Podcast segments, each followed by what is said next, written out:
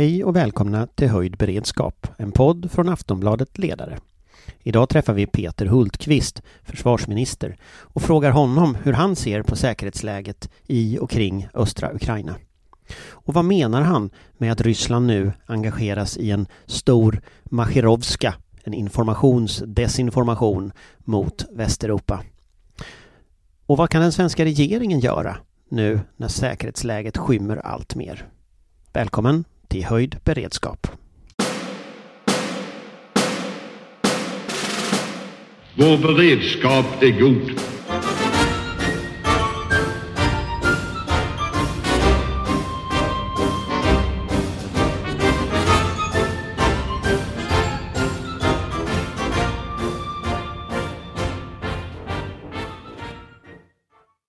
Ja, då säger jag välkommen till Sveriges försvarsminister Peter Hultqvist. Tack så mycket. Och här sitter vi då på Folk och Försvar i ett rum, så det här resterna av Folk och Försvar, eh, som vi gör just nu, men eh, det är i alla fall fortsätter business as usual, så någonting, någonting händer som vanligt. Eh, och du har just hållit ditt anförande om eh, försvarspolitik. Eh, du höll ju inledningsanförandet innan också, men om vi tar försvarspolitiken, hur skulle du beskriva Rysslands agerande just nu?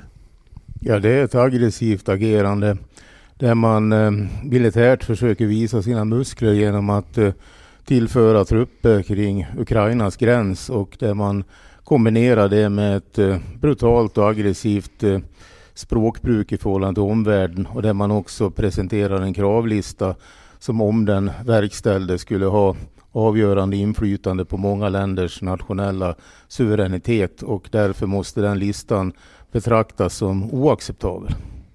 Om, om man tittar på den listan Ryssland har lagt fram på bordet, hur skulle det, om, om vi hypotetiskt antar att väst accepterar detta, hur skulle det påverka Sveriges säkerhet? Ja, förmodligen så blir det så att vi kan inte öva med de länder som vi gör. Vi kan inte verka inom ramen för NATOs partnerskap.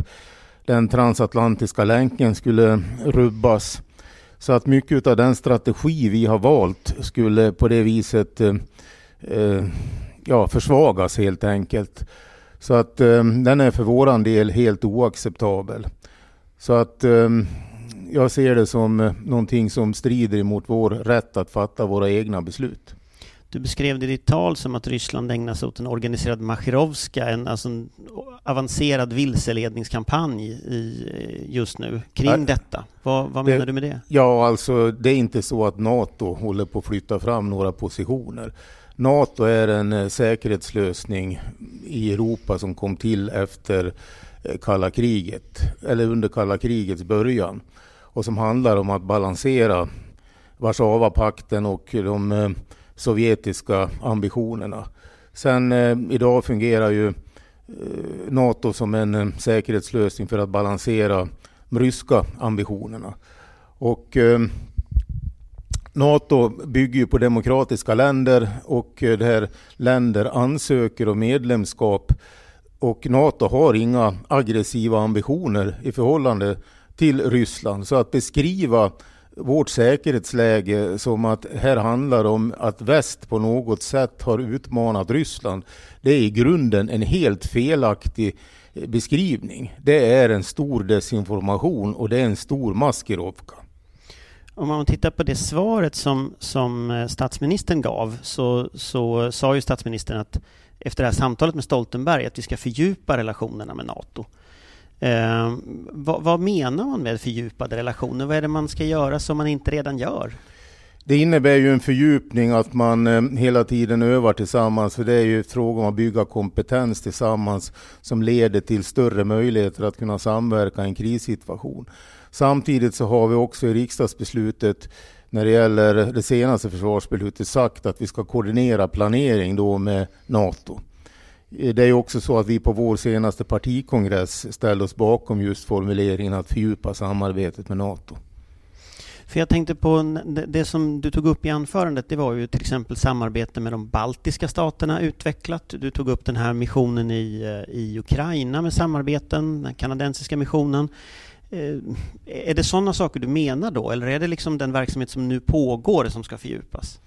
När det gäller NATO så handlar det om övning, informationsutbyte, koordinerad planering. När det gäller enskilda länder som eh, Finland där vi har operativ planering bortom fredstida förhållanden så handlar det om att eh, öva för att på olika sätt kunna agera gemensamt i en, i en säkerhetskris. Samma sak gäller ju med de andra länderna runt Östersjön. Samma perspektiv finns ju i, i det som vi gör tillsammans med Norge. Eh, när vi har exempelvis cross-border training i stort sett veckovis på flygvapensidan mellan Norge, Sverige och Finland så är ju det ett uttryck för dels en säkerhetspolitisk signal där vi tar ansvar för den delen av Nordkalotten gemensamt men också att vi övar tillsammans en förmåga som kan användas i en kris. Vad tänker du om signalvärdet när Ryssland ställer en sån här kravlista och sen så svarar Sverige med att vi ska fördjupa samarbetet? ja, signalvärdet är helt korrekt. Vi väljer vår egen väg. Det är vi som fattar våra beslut. Om man tittar på, på eh, när du beskriver den säkerhet eller försvarspolitiken, då beskriver du försvarspolitiken som ett uppbrott från tidigare felaktiga försvarsbeslut ja. från 2014 och framåt. Eh, om man tittar på den utvecklingen från 2014 till idag, alltså hur vasst har det svenska försvaret blivit? Vi är, vi är betydligt bättre idag beroende på att dels har vi lagt om grunden för svenskt försvar ifrån internationella oper operationer som var dimensionerande till ett nationellt försvar av Sverige. Och det är en helt annan typ av försvarsmakt som man då bygger. Och då handlar det ju dels om vidgade numerärer, det handlar om att värnplikten är tillbaka, det handlar om att vi investerar i vapensystem som är i första hand avsedda för försvaret av Sverige och inte avsedda för att hanteras i internationella operationer. Det blir delvis en annan inriktning på vad, vad det är vi köper. Eh, att vi dimensionerar armén i brigader är en oerhörd skillnad mot när vi dimensionerar den i bataljonsstridsgrupper. Brigaderna handlar om ungefär 4 000 soldater. Bataljonsstridsgrupperna de var 700. Eh, det här att vi övar armé, marin och flyg tillsammans, det är ju en typ av samordning som är väldigt tydlig nationell dimension, men som låg nere under väldigt många år just beroende på den här andra inriktningen. I min värld så är det så att eh, försvarsmakt är i första hand nationell. Det är därför man har den. Sen internationella operationer ska man vara öppen att delta i. Men grunden måste vara nationell. Och det är det som måste bygga styrkan över tid därför att de säkerhetspolitiska konjunkturerna de förändras ju. Men problemet är att när man väl har rustat ner så krävs det väldigt mycket när man ska försöka öka förmågan att rusta upp. Det är ett väldigt svårt projekt. Men jag menar på att vi är bättre idag än vi var 2014 påtagligt. Jag tänker på, om man tar en lite större perspektiv, så, så idag så inleds ju samtal mellan Ryssland och USA i Genève eh, och efter den här ryska kravlistan. Vad, vad, hur, vad, är, vad är dina tankar om det? För nu sitter ju återigen stormakterna eh, och diskuterar Europas framtid utan att Europa sitter vid bordet. Ja, man har ju haft eh, omfattande diskussioner om NATO och NATO är ju en part i de här samtalen. Vi har ju haft också diskussioner med, med, med NATOs generalsekreterare i ett par omgångar kring eh, de här frågorna. Och vi har ju också kontakt med den amerikanska administrationen. Och eh, jag kan säga det att vi har ett väldigt öppet förhållande och ett väldigt öppet klimat i förhållande till NATO. Så att Eh, vi, vi, får både information och har möjlighet att framföra våra synpunkter och ståndpunkter och de sammanfaller ju med de ståndpunkter som NATO har och vi är överens om att eh, den nationella suveräniteten och de enskilda ländernas rätt att välja sina säkerhetslösningar, det får inte rubbas, det är inte förhandlingsbart. Men finns det ändå inte någonting lite märkligt att här, är ändå, här sitter ändå stormakterna. Nu sitter USA och Ryssland där och, ska diskutera Europas säkerhet. Och man tänker att det så ryska perspektivet, det är ju väldigt mycket att det ska vara stormakter som ska göra upp eh, om Europa. Alltså, hur ska vi göra för att få vår röst, eh, för att få vara med vid bordet så att säga, vid de här, de här samtalen? Vi kommer att ha EUs försvarsministermöte nu onsdag, torsdag naturligtvis är det en sån fråga som i det sammanhanget hanteras. EU måste vara också en viktig röst i de här sammanhangen. Samtidigt så är det ju så att vi för ju direkt diskussion med många enskilda länder men också då med NATO och med USA i de här sammanhangen. Eh, vi har ju fått eh, från NATOs sida en väldigt tydlig, eh, tydligt besked om att man kommer inte att eh, göra upp det här över huvudet på olika länder utan här ska det ju ske hela tiden konsultationer och diskussioner. Och det har jag också förstått är den amerikanska administrationens inställning. Så här gäller det ju för det demokratiska Europa menar jag att hålla ihop. Mm. Jag tänker på det finns ju en, en, ny typ av retorik från Ryssland, inte ny, men det finns ändå en hårdare typ av retorik och, och på julafton var det väl så anklagade ju Ryssland officiellt Sverige för att kärnvapenöva mot, mot eh, Ryssland tillsammans med NATO. Och det är ju en typ av så här, desinformation som har, det har ju förekommit tidigare, men här är ändå en officiell rysk representant som, som kommer med den här typen av anklagelser. Vad tänker du om det? Ja, det här ingår ju i den maskerovska som pågår, den vilseledningsoperation som är ett faktum. Att man kommer med den här typen av eh, felaktiga påståenden. Och eh, då har ju vi inget annat att göra än att eh, dementera det och tydliggöra att det stämmer inte. Och det här, vi har aldrig genomfört den typen av övningsverksamhet. Men jag tänker på hur hanterar man den typen av psykologisk krigföring? För det där kommer ju säkert att komma med nu när, när eh, om det nu blir ett angrepp på Ukraina eller om det blir en mm. högre säkerhetssituation. Då kommer ju säkert fler sådana här saker. Hur hanterar ja, då, man då det? Är det? Då är det så att då, då, vi måste ha den vaksamheten att vi går ut och markerar och avslöjar den här typen av påståenden. För det kan ju också vara så att eh, om man inte är väldigt aktiv och följer upp sånt här så kan det ju finnas sådana i det svenska samhället också som börjar tro på sådana här saker och det vore ju inte bra. Så att vi måste ha en uppföljning av den här typen av yttranden och också markera emot det. Vad tänker du om erfarenheterna från 2014? För då blev det ju en ganska aktiv desinformation i eh, ja, hela Europa från rysk sida mm. Kring den insatsen. Har man lärt sig någonting från det? Har Sverige lärt sig någonting från det? Ja, jag menar nog att man är betydligt vaksammare idag när det gäller den här typen av desinformationer. Vi har ju dels ett eh, strategiskt kommunikationscenter i, i Riga. Vi har en, eh, ett center för hybridaktivitet i Helsingfors.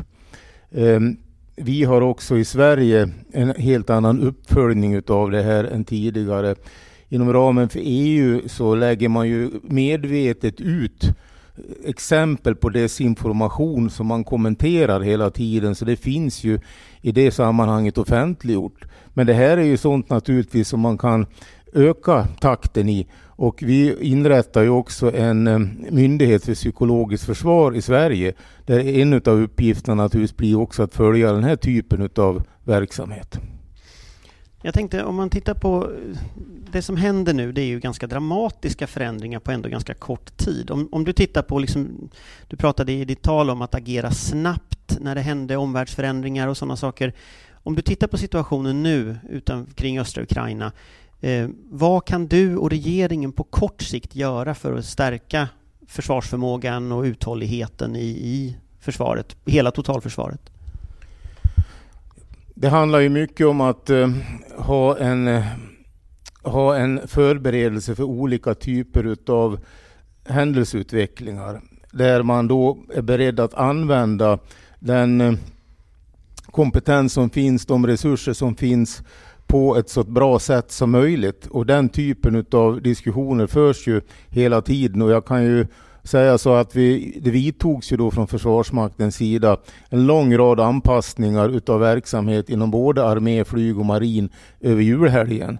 Så att det var ju ett exempel. Och det här är ju naturligtvis en, en, en sak som inte upphör bara för att eh, jul och nyårshelgen är över, utan det är ju någonting som självfallet fortsätter och där vi också genom våra underrättelsekanaler eh, väldigt nogsamt följer utvecklingen i vår nära omvärld. Samtidigt en annan faktor som jag anser är väldigt viktig, det är att man eh, också ser till och har, har beredskap för att samverka med andra i övningsverksamhet eller i operativt, lä, operativt läge i, den här situationen som vi nu är inne i. Så att eh, här handlar det väl egentligen om att eh, vara beredd att agera i, i nutid, i vardagen, i det korta perspektivet.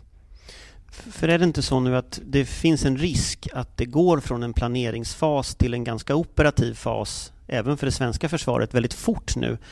Hur ser en sån samverkan med andra i det läget ut? Det beror alldeles på vad som händer. Men eh, vi har ju regelbunden kontakt med andra. Och det finns ju kanaler för hur, också hur man skärper den typen av, vad ska vi säga, för operativt ledarskap. Så att eh, vi, vi, vi, vi, förbereder sådana här saker. Vi ser den här typen av händelsescenarion. Men att gå in och spekulera i det här djupare eller gå in och börja diskutera det här djupare, det är jag inte beredd att göra. Oppositionen har ju krävt lite olika saker här. Vi har lyssnat idag. Man har krävt samtal. Det blir väl partiledarsamtal nu eh, snart i närtid. Eh, att försvarsberedningen ska kallas in. Man kräver... Eh, Kristdemokraterna har varit ute och krävt höjt försvarsbudget. Alltså hur resonerar du kring den typen av frågor? Det är ju så att vi har ett oerhört stort åtagande när det gäller nu att bygga militärt försvar. Jag menar det är 27,5 miljard som ska eh, investeras fram till 2025 det gäller för Försvarsmakten också att kunna ta emot allt det här, att kunna genomföra de här sakerna. För det kräver både personal, det kräver utbildning av personal, det kräver eh, att, de, att leveranserna av de nya vapensystemen och eh, det kräver en övningsverksamhet i vardagen för att kunna klara hela uppbyggnaden. Det här har ju nu också under senare tid genomförts under pandemi. Så att man ska inte göra saker och ting för enkelt för sig, för det ligger verkligen någonting i begreppet att det tar tid att bygga militär förmåga, men det går snabbt att rasera. Så att vi ska fullfölja det försvarsbeslut som är nu. Vi ska genomföra den kontrollstation 2023 som vi är överens om. Vi ska också göra det som eh, vi nu gör när det gäller att förbereda för olika typer av scenarion Både när det gäller de nationella resurserna men också när det gäller vår internationella samverkan och den samverkan som finns i närområdet. Så det är det vi i huvudsak tror jag ska ägna kraften åt nu. Sen kommer det in många politiska dimensioner där man på olika sätt profilerar sig och jag kan väl kanske tycka så här att ibland kan det som står i rubrikerna eh, kanske i förhållande till förmågan eller möjligheten att leverera det, att det sambandet inte alltid är tydligt. Även om det är så att det skulle finnas pengar så är det inte så att det är helt enkelt. Man måste värdera de svårigheter som finns här. Men att kunna använda den förmåga vi har i det direkta, om, i det direkta nuläget och i närtid, det är ett perspektiv som är oerhört väsentligt för att kunna göra någonting i en sån här situation. Och då tycker jag att den strategi vi valde med nationell förmågeuppbyggnad och internationella samarbeten faktiskt har visat sig vara en rätt så bra strategi. Men jag tänker på också att det finns ju ett värde i att visa upp politisk samsyn i ett land när det är en kris. Eh, är du beredd att kalla in försvarsberedningen till exempel för att vända på alla stenar eh, och hitta en sån politisk samsyn?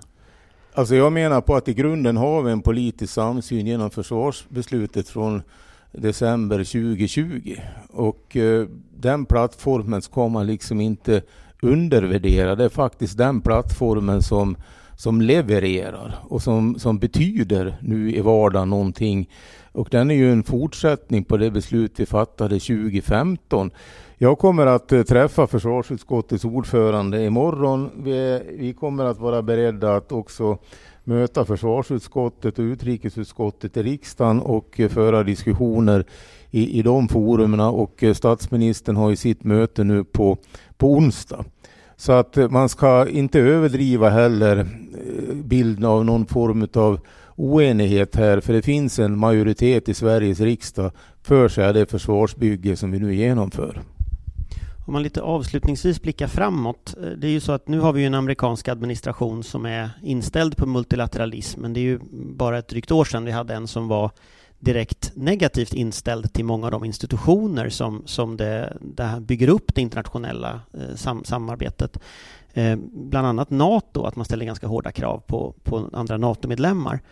Om du blickar framåt, det kan ju vara så om tre år att det sitter en amerikansk eh, administration som vill att Europa tar större ansvar för sin säkerhet. Och då är väl den här typen av saker som Ryssland gör just nu, det är ju ett test av så att säga, säkerhetsordningen. Hur tänker du framåt kring, kring hur en sån säkerhetsordning kommer att se ut? Ja, jag tror att den transatlantiska länken med Kanada och USA är oerhört väsentlig för Europas eh, trygghet och stabilitet. Den är väldigt viktig. Och, eh, oavsett hur det var nu under åren med Trump så kan jag i alla fall säga att det försvarssamarbete vi hade utvecklades i positiv riktning. Vi hade också en eh, bra relation till de försvarsministrar som man hade i USA och vi ökade vår eh, gemensamma övningsverksamhet. Så att från den aspekten har jag, inge, har jag inte negativa erfarenheter. Sen eh, hur man ska då spekulera om framtiden, det, det är ju alltid svårt. Men om vi säger så här, vi från den europeiska sidan måste vara väldigt tydliga i att vi anser att den transatlantiska länken är viktig. Vi anser att USAs närvaro i Europa är viktig. Vi vill öva tillsammans med USA och vi vill ha amerikansk närvaro och dialog när det gäller hur säkerhetspolitiken utformas. Och det är av oerhört stor betydelse att man respekterar den europeiska säkerhetsordningen. Så en sista fråga om du får en kristallkula nu. Vad kommer att hända under de kommande två, tre veckorna? Ja, det är jättesvårt att svara på. Jag, jag hoppas att de samtal som nu har inletts kommer att fortsätta och att man eh, Eh, då i, i, takt med att man använder tiden till att eh, ha en dialog också kommer fram till olika typer av lösningar som handlar om nedrustning och eh, deeskalering. I det ingår alltså att också att den europeiska säkerhetsordningen måste respekteras och att man inte på något sätt naggar nationernas rätt att fatta sina egna säkerhetspolitiska val eller beslut i kanten. Det får inte på något vis um, försvagas eller förändras. Vi har vår fulla rätt att fatta våra egna beslut. Tack för att du var med. Tack så mycket. Vår beredskap är god. Ja, då är vi tillbaka här i våran panel. Eh, och det är då jag, Anders Lindberg fortfarande, och sen är det Johan. Jajamän, jag är här. Johan Patrik. Och sonen Tankesmedjan Frivärd. Och Amanda. Wollstad från Svensk Tidskrift. Ja, vad säger ni då om Hultqvist här? Ska vi börja med Johan? Du har inte varit med förut idag. Nej, eh, jag tyckte att det var ja, som vanligt eh, tydligt och, men också lite förutsägbart. Eh, vi följer planen. Det här är ett hårt beting. Eh, vi kör hårt. Läget är allvarligt. Eh, Ryssland ljuger. Eh, de ljuger dessutom mycket. Han, han hade ganska mycket kring, kring detta idag, rent generellt tycker jag, om jag då inkluderar intervjun som du hade med honom också. Så att det var väl inte så mycket nytt under solen just där. Sen tyckte, och det diskuterade vi förut, att han lättade upp lite grann då, lite att han ska prata med Paul Jonsson imorgon, eh, ordförande i eh, försvarsutskottet och så vidare. Och sen ska statsministern prata med partiledarna på onsdag. Så vi får väl se med den här frågan med försvarsberedning var den kommer landa någonstans. Men det är ju ingenting, där tycker jag att faktiskt att eh, försvarsministern har rätt. Att, att eh, det här är ingenting som man bara bygger ett hus det tar tid att göra de här sakerna. Jag skulle nog hellre vilja se att man diskuterar först i det första loppet beredskapskrediten. Den måste vi kunna aktivera. Det finns redan anslagen, det finns redan ett riksdagsbeslut. För det är så man, man eh, bygger det är också en signal, men man bygger också en, en uthållighet för den situation som vi har just nu. För medan det har inte varit uppe i media, alla de järnvägstransporter som går från Sibirien just nu och som någon gång under veckan här kommer komma fram till västra militärdistriktet. Och då är frågan var kommer de här förbanden deployera någonstans? Så att, eh, kan du berätta lite mer om det? För det där är någonting som inte har diskuterats så mycket. Nej, men det, det finns, eh, jag har inte hunnit tid att liksom verifiera alla, alla uppgifter jag har sett här, men jag har sett ett antal otaliga eh, klipp på eh, lastade järnvägssätt eh, som går då från östra militärdistriktet västerut. En del skulle ju kunna stanna i Kazakstanområdet så att säga, om ni förstår vad jag menar. Men andra kommer också att fortsätta längre fram mot, eh, mot, väster, eh, mot västra militärdistriktet. Eh, och det, eh, jag följer ju då seriösa bedömare som verkligen följer detta och det är deras slutsatser också. Så att eh, det pågår medan vi har de här samtalen. Så att det, är, man får ju liksom tänka sig att det finns ett diplomatiskt plan förstås och, det, och Rybakov har precis pratat här på presskonferens har jag sett här nu medans, medans intervjun pågick att det var så positivt och det, vi, vi kommer nu pratar du om NATO, ja, eh, USA, USA, Ryssland, USA, samtalet. så att samtidigt som man har de här nu, nu är den ryska vice utrikesministern ute och väldigt positiv, så fortsätter det här logistiska flödet och det ska vi liksom eh, eh, ha med oss när vi resonerar om de här sakerna och därför tycker jag då att en snabb åtgärd är att visa, om man nu säger att man tar det här läget på allvar, då får man väl anslå då och eh, säga att ni får utlösa den här del av beredskapskrediten och det finns säkert en hel del som eh, Försvarsmakten kan eh, och andra försvarsmyndigheter kan eh, eh, lägga pengar på. Absolut. Mm, Patrik? Ja, men det är ju det som Johan pekar på här är ju försvarskrediterna i den lägst hängande frukten. Det är den enkla, snabba lösningen, en handlingskraftig lösning eh, som regeringen kan göra utan att blanda in eh, bredare samtal, även om jag tror att det är klokt att förankra läget och att man använder det i, i partiledaröverläggningar. Eh, men grejen är ju den att om jag var övertygad om att regeringen var beredd att göra det i det här nuläget, då kanske jag inte skulle säga att vi behöver kalla tillbaka försvarsberedningen. Eh, jag tror inte att man är där ännu. Jag skulle önska att man var det. Men eh, det är väl ett alldeles utmärkt krav från Paul Jonsson imorgon till Peter Hultqvist att ställa frågan när tänker ni aktivera beredskapskrediten? För att det är väl bättre att aktivera den i, nu än när det är för sent. Amanda? Uh, ja, nej, jag delar Patriks analys att jag tror inte man är där än, även om man borde, även om man borde ha varit där ett tag.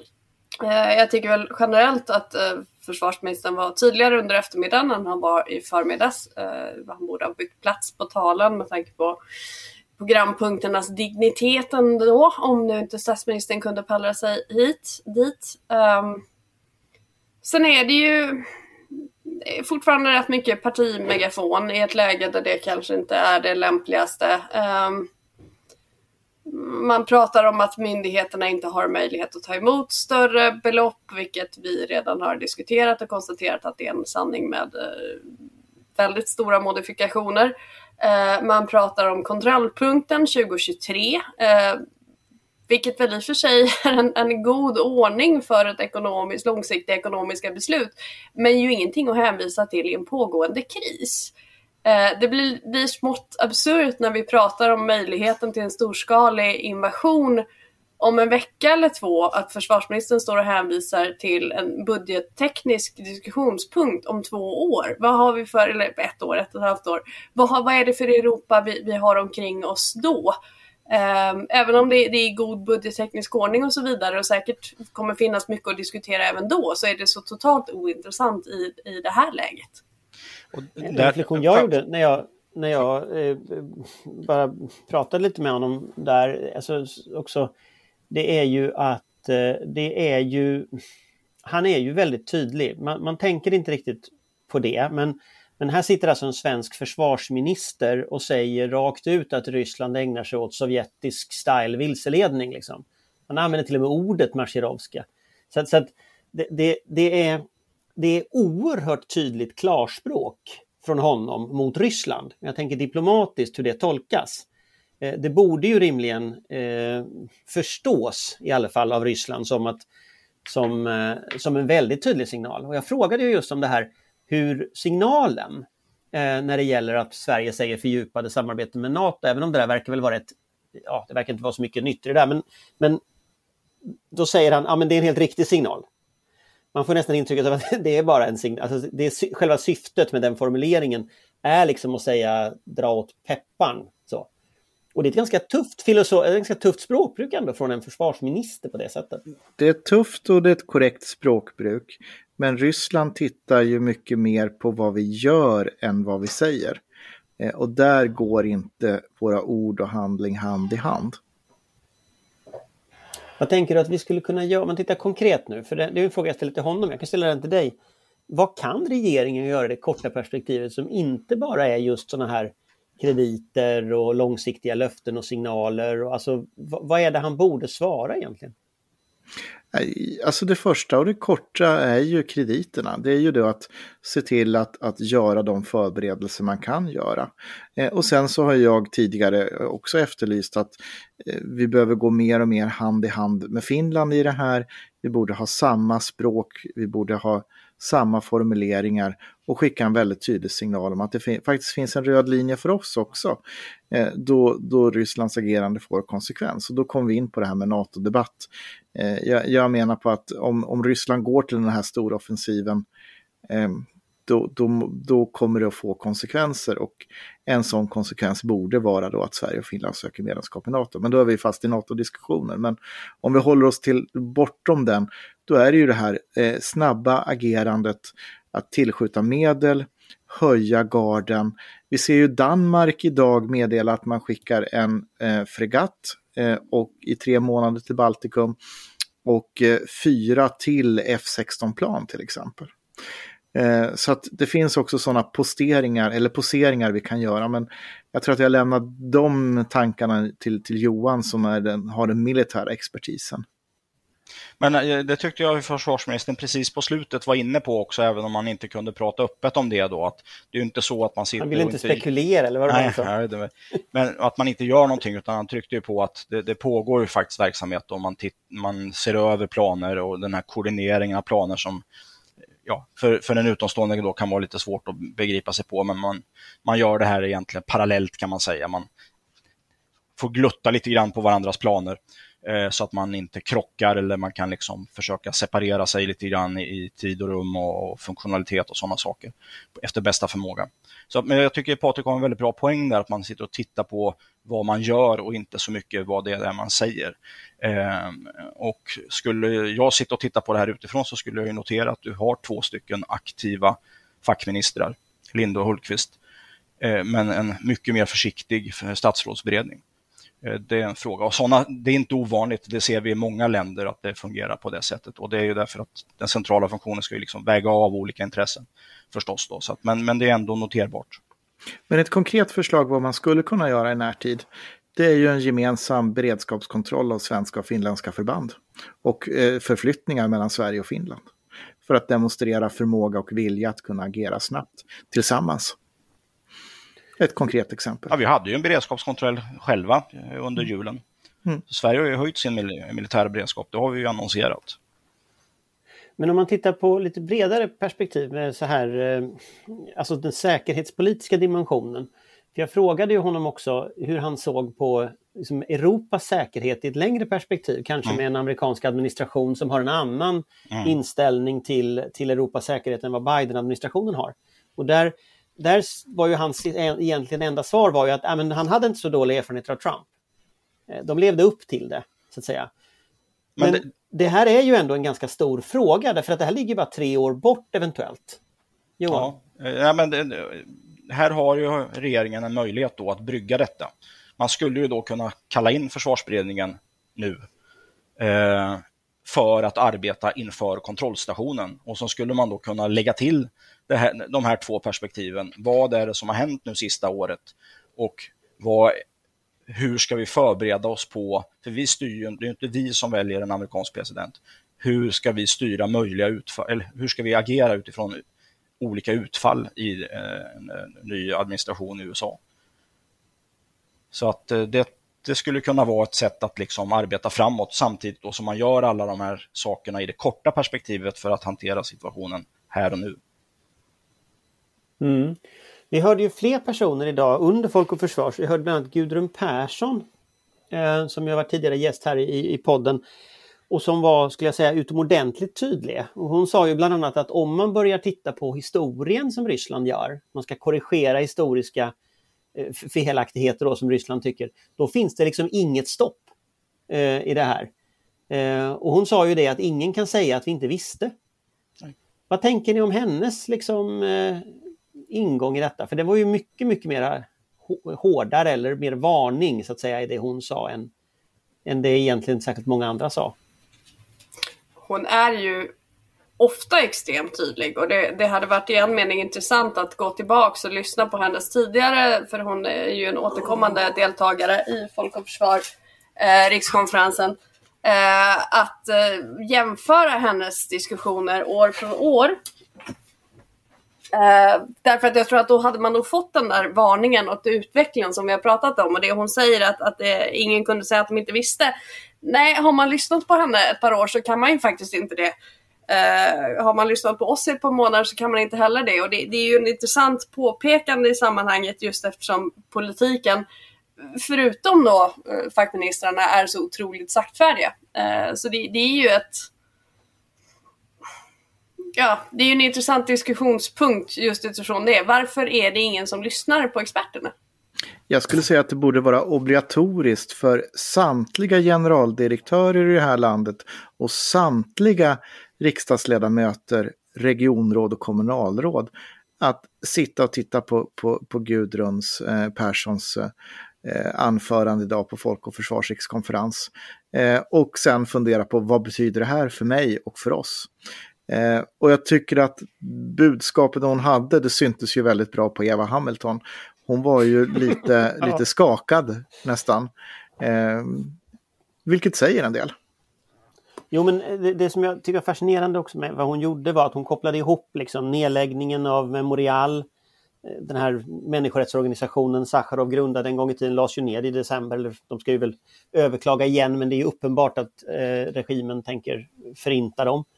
Eh, Navalny som sätts in, alla de här operationerna som har skett där de har haft ihjäl eh, oliktänkande av olika slag. De har ju nått hela vägen till Sverige, de operationerna. Det är ju många länder som har drabbats av, av att man har försökt ha ihjäl eh, olika exilpersoner från Ryssland.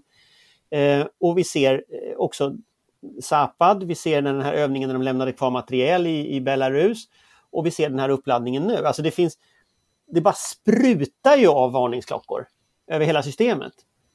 Men, men det är sällan man hör någon som liksom säger att ja, men drar alla varningsklockorna samtidigt och säger att ja okej, okay, och ni säger att ni inte visste det är en ganska effektiv ändå sätt att kommunicera tycker jag hon har. På det sättet. Jag tycker apropå det också att C Must också var mycket tydlig i detta när hon konstaterar att det är långt ifrån ett normalläge och där myndigheten har valt att sluta använda begreppet normalläge i sin kommunikation just därför att det leder fel och leder till en misstolkning om att att den här ganska extrema situationen befinner oss i skulle på något sätt vara normal. För det är den inte. Vi befinner oss redan i någon slags eh, gråzon, undantagstillstånd, hur man nu vill uttrycka det. Men, men, vi kan liksom inte prata om någonting som kommer ske i framtiden utan det är det, är den, det, är det vi har att förhålla oss till idag. Eh. Ja, hur, hur, hur, en av de viktigaste sakerna som Hultqvist påpekar det är ju att Europa måste hålla ihop. Eh, hur väl tror ni det kommer funka? Ganska dåligt. Det har vi sett tidigare. Alltså just det här har vi ju väldigt svårt att samarbeta om. Ja, vi är, är tittar vi tillbaka så, så eh, är ju inte det resultatet så imponerande på europeisk sammanhållning. Det finns ju så mycket olika intressen. Ja, förlåt Patrik. Men, men det är ju så många olika ekonomiska intressen och energiintressen och handelsintressen och så vidare. Där där äh, även andra länders makthavare, försvarsministrarna må säga korrekta saker och förstå situationen, men resten av myndigheterna gör det inte och resten av regeringen gör det inte, utan där går ekonomiska intressen och, och handelsintressen och i Tysklands fall energiintressen före. Eh, och det är också en, en oerhörd naivitet. Eh, och när man då ska få ihop ett antal regeringar som har ungefär samma grunda analys och samma brist på, på förståelse för frågan, då blir det ju inte mycket av det. Och här blandar man ju lätt ihop talarna, vem som säger vad efter att ha suttit och tittat på en hel konferensdag. Men det var väl Göran von Sydow som gick igenom de olika europeiska länderna där med Storbritannien som upptagen av Brexit, eh, Frankrike med sin strategiska kultur, Tyskland med sina industriintressen och, och, och gjorde just den här utvärderingen att det har inte, det, track record är inte så vackert. Sen ska vi också komma på de geografiska skillnaderna där ju vi naturligtvis är oerhört upptagna av situationen i Ryssland och Ukraina. Men där stora delar av Europa är betydligt mer bekymrade över hur situationen kring Medelhavet ser ut eller eh, flyktingströmmar har helt andra säkerhetshot än vad vi har. Eh, och därför kanske inte heller alltid är så intresserade av att fokusera på Ryssland och läget i, i eh, nordöstra Europa eftersom det helt enkelt inte berör dem. Det var faktiskt Göran von Sydow jag, jag eh, tänkte lite på just för att, att när det kommer till liksom frågan om vad, vad man ska göra så har ju Tyskland har ju satt sig på pottkanten också för att de måste ju ha den här gasen. Eh, så de sitter ju lite i skiten framöver också. Eh, och, och där är det ju, där undrar jag om inte Sveriges roll på ett sätt är att hålla en hård linje. Att det är ändå viktigt att några är väldigt politiskt tydliga i, liksom i EU-samarbetet kring de här frågorna. Och där är ju ändå Peter Hultqvist, tror jag, jag bara föreställer mig att han kommer att vara en väldigt tydlig person på försvarsministermötet. Och det är kanske det, det som är Sveriges tunga roll också på ett sätt just nu när andra eh, fladdrar iväg. Och den nya gäller... tyska regeringen, nej, jag tänker den nya tyska mm. regeringen innehåller ju de gröna som en balans till eh, liksom Socialdemokraternas eh, konstiga inställning till, till New, Nord Stream och så. Och, och, här kanske vi ska tillägga att de gröna i Tyskland är inte som de gröna i Sverige i, riktigt i de här frågorna. För att de gröna i Tyskland är ju, är ju hökar i sammanhanget och låter mer som Hultqvist än någonting, som anna, någonting annat. Eh, och sen vill jag bara säga att Hultqvist har ju varit tydlig hela tiden när det gäller Ryssland på ett mycket, mycket föredömligt sätt. Och han tog också upp Baltikum nu under eftermiddagen. Det tror jag inte han gjorde i morse, men det är ju också en oerhört viktig fråga. Eh, för det handlar ju, vi, vi pratade tidigare avsnittet idag att det handlar om, om Sverige och Finlands självbestämmande och det handlar ju naturligtvis mest omedelbart om Ukraina. Eh, men vi har ju också ett antal länder som ligger oss nära både kulturellt och geografiskt som är, är befinner sig i ett väldigt utsatt läge eh, just nu eh, och där eh, solidariteten mot Baltikum får helt enkelt inte, inte överges. Det är otroligt viktigt att hålla fast vid den linjen. Mm. Får jag bara säga också att, att, han, en sak som slog mig nu var ju att eh, försvarsministern också, ovanligt mycket tycker jag, eh, poängterade samarbetet med Storbritannien när det gäller Joint Expeditionary Force. Eh, kom att tänka på det nu när du tog upp det här med Baltikum, Amanda. Sen har jag faktiskt eh, suttit hemma på soffan och plitat så jag tänkte lansera ett, ett förslag på en liten ny formulering som folk kanske kan samla sig kring. Vill ni höra det? Spännande! Mm. En, en ny säkerhetspolitisk formulering ja. för partiledarsamtalen. Ja, typ. Eller något för, för Sverige i framtiden. Tills, tills nästa liksom, sak gör som att man måste liksom, alltså allting är en process och saker och ting mognar och omvärlden förändras och hur man hanterar utmaningar på olika sätt. Då låter den så här eh, Sverige är militärt alliansfritt. Vi försvarar solidariskt i samverkan med andra demokratier den europeiska säkerhetsordningen för att fortsätta att leva i frihet, fred och välstånd. Sverige beslutar suveränt om sin försvars och säkerhetspolitik. Ja, stryk det första så, så ja, vi, gör vi affärer Johan. Alliansfriheten kan vi ta bort, annars var det utmärkt. Vi behöver, inte, vi, behöver inte, vi behöver inte definiera det där mer så tycker jag. Men, men annars var det jättebra och fint formulerat. Nej men det är väl det det kokar ner till. Att liksom vad är man beredd att göra för att försvara den europeiska säkerhetsordningen? För nu testar ju Ryssland det. Så det blir väl där, det, det blir väl där som liksom frågan ställs på sin spets. Ehm, För att jag vet inte, om jag var ju inte med här när ni diskuterade ordentligt här i, eh, inför eh, rikskonferensen här. Men eh, det är ju en liten, liten glidning uppfattar jag ändå när man går ut och trycker på den här Sverige beslutar suveränt om sin försvars och säkerhetspolitik. Det är ju en, en glidning i anpassning till den finländska retoriken, ja.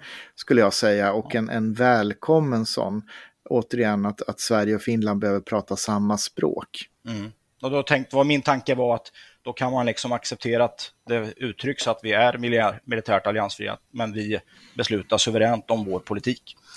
Um, jag, tror att, vi, den här, jag tror att den här partiledaröverläggningen mellan oss själva kommer nog att ta lite längre tid än vad vi har tid med i den här podden. Men vi kan se om vi kan komma fram till ett jämkat förslag eh, i, i nästa podd.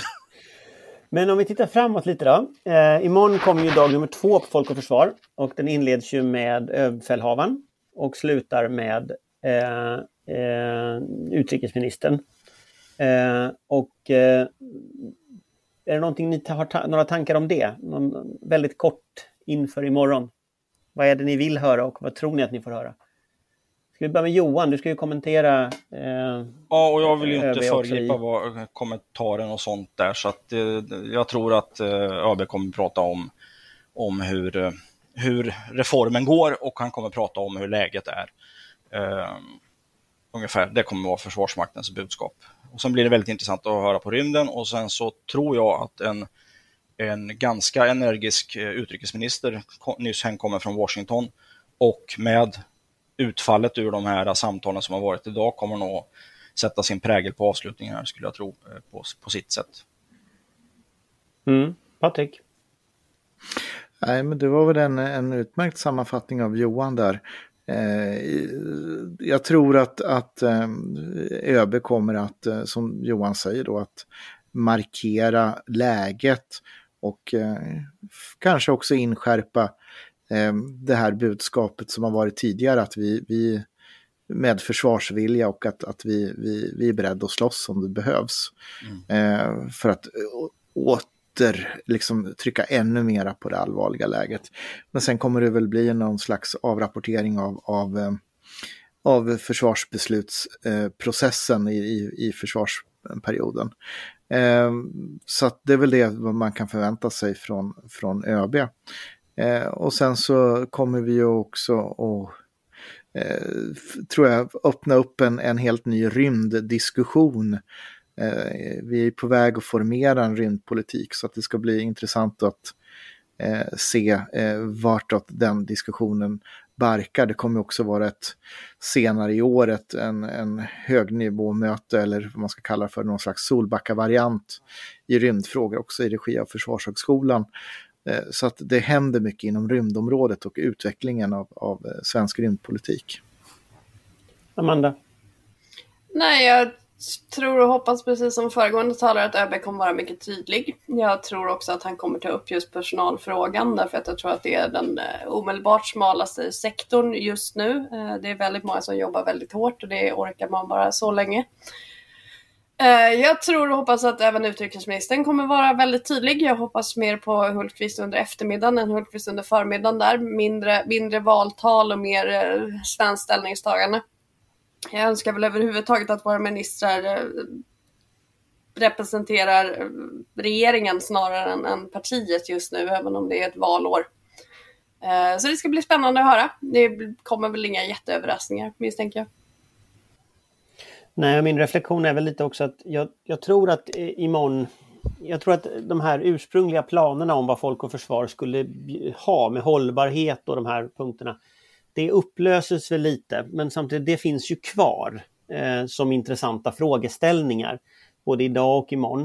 Eh, det är också ett bredare syn på säkerhet som jag tror kommer att finnas med. Eh, jag tycker det är ganska bra att det finns också eh, i det här samtalet.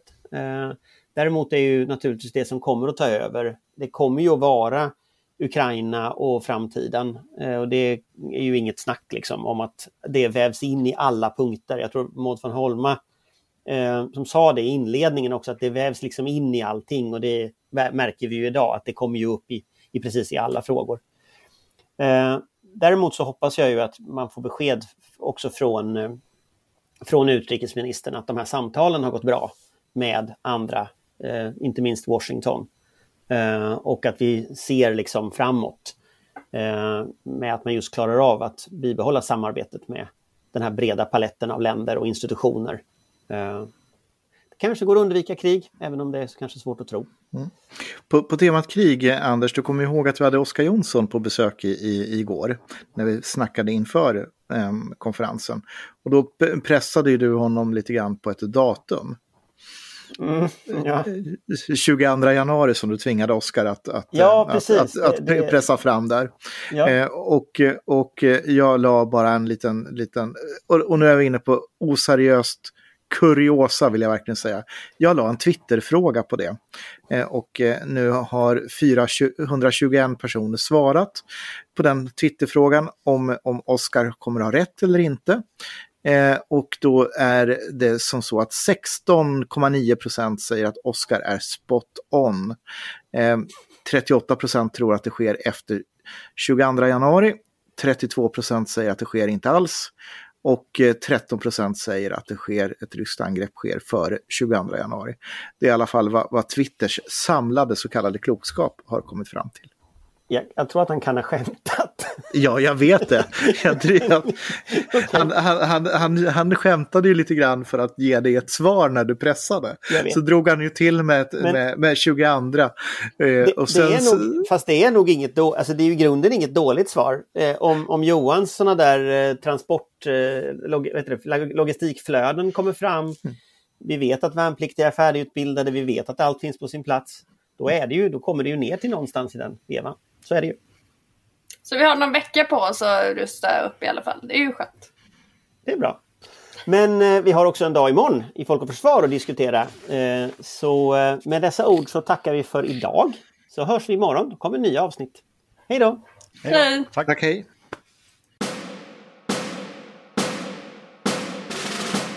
Vår beredskap är god.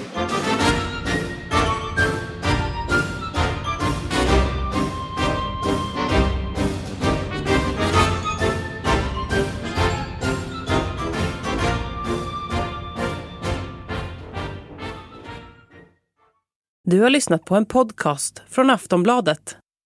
Ansvarig utgivare är Lena K Samuelsson.